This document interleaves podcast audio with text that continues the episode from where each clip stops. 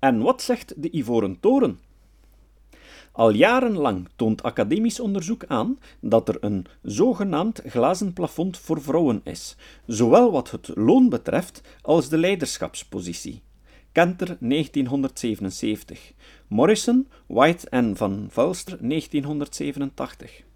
Het glazen plafond betekent dat er een onzichtbare barrière is waardoor vrouwen niet of nauwelijks kunnen stijgen in de hiërarchie. Onderzoek toont bovendien aan dat mannen een glazen lift hebben. Williams 1992, omdat ze sneller stijgen in de hiërarchie dan vrouwen. Er zijn diverse verklaringen gegeven, gaande van openlijk seksisme, twijfel aan de vereiste competenties of karaktertrekken voor leiderschapsposities, de moeilijke combinatie van werk en gezin, tot zelfs de angst die vrouwen zouden hebben om succesvol te zijn. Voor een overzicht zie Aslam en Ryan 2008. Hoewel wetenschappers hebben vastgesteld dat dit glazen plafond de laatste 15 jaar aan het afbrokkelen is, blijven in Groot-Brittannië bijvoorbeeld vrouwelijke managers gemiddeld toch 24% minder verdienen dan hun mannelijke evenknie. Blauw en Kaan 2000 Equal Opportunities Commission 2002 Mannen nemen bovendien nog steeds de hoofdmoot van de topposities in.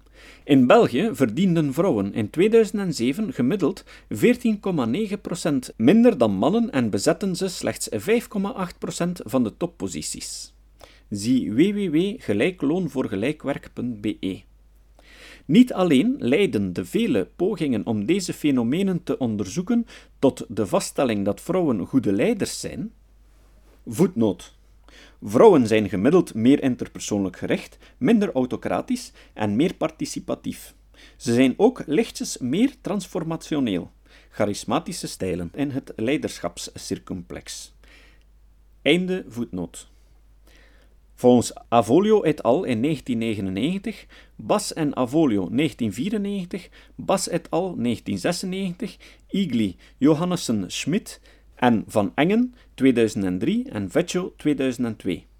Wetenschappers ontdekten ook dat er naast het glazen plafond nog zoiets bestaat als een glazen afgrond, de glass cliff. Ryan en Haslam 2007, Haslam en Ryan 2008.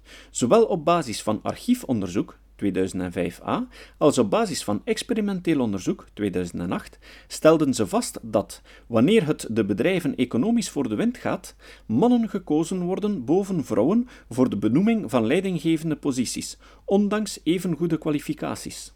En omgekeerd worden vrouwen boven mannen gekozen wanneer het economisch moeilijk gaat.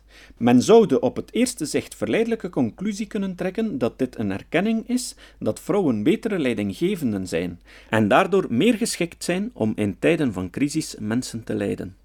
Maar eigenlijk is de verklaring niet zo positief, want wanneer vrouwen in crisissituaties worden benoemd, riskeren ze niet alleen om meer gestrest te raken, maar verhoogt een kans op mislukken natuurlijk enorm. De glazen afgrond gaapt.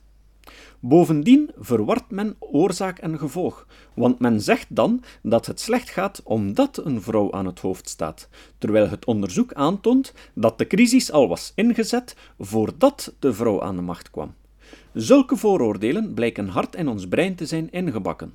Volgens de onderzoekers blijkt tenslotte ook dat men in de bedrijfspraktijk vrouwen in een crisis niet benoemt omdat ze beter zijn, maar omdat het minder erg is als ze mislukken. Ze zouden voor het bedrijf minder waard zijn. Zulke risicovolle benoemingen werden overigens alleen door vrouwelijke respondenten gerapporteerd.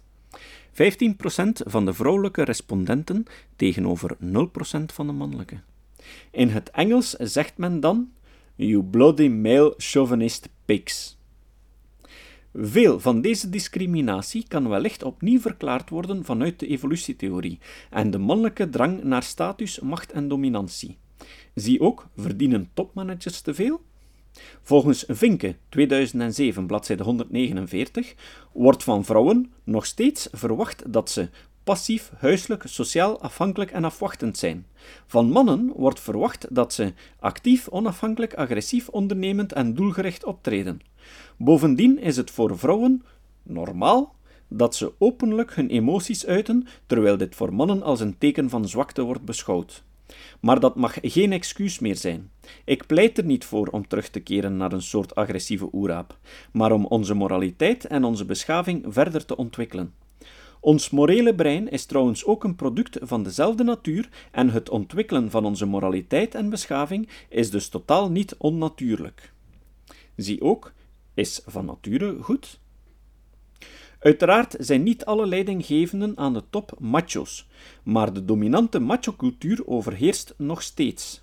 We leven nog altijd in samenlevingen die hoofdzakelijk door mannen worden gedomineerd.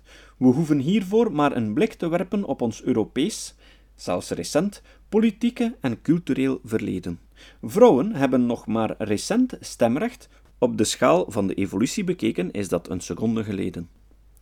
Mannen zijn biologisch eerder gemaakt om vrij agressief te concurreren op een vrij individualistische manier, terwijl vrouwen eerder op samenwerking zijn gericht.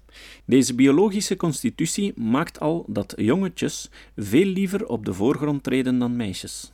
Het overwicht van mannen kan vanuit de biologie zuiver worden verklaard op basis van grotere fysieke kracht en grotere agressie. Het is ook jammer voor zoveel mannen dat ze nog niet beseffen dat het een biologie is die ervoor zorgt dat hun gevoel van eigenwaarde vooral verbonden is aan economische status. Daardoor zijn ze ook geneigd om veel overuren te maken en blind andere belangrijke zaken in hun leven daaraan op te offeren, bijvoorbeeld de relatie met de kinderen. Steven Pinker, 2002 nog steeds ziet men typisch mannelijk macho-gedrag in bedrijven. Denken we maar aan het gepoch over de extreem lange werktijden die topmensen presteren. Het starten van vergaderingen om 16 uur of nog later, die bijzonder gezins- en vrije tijdsonvriendelijk zijn.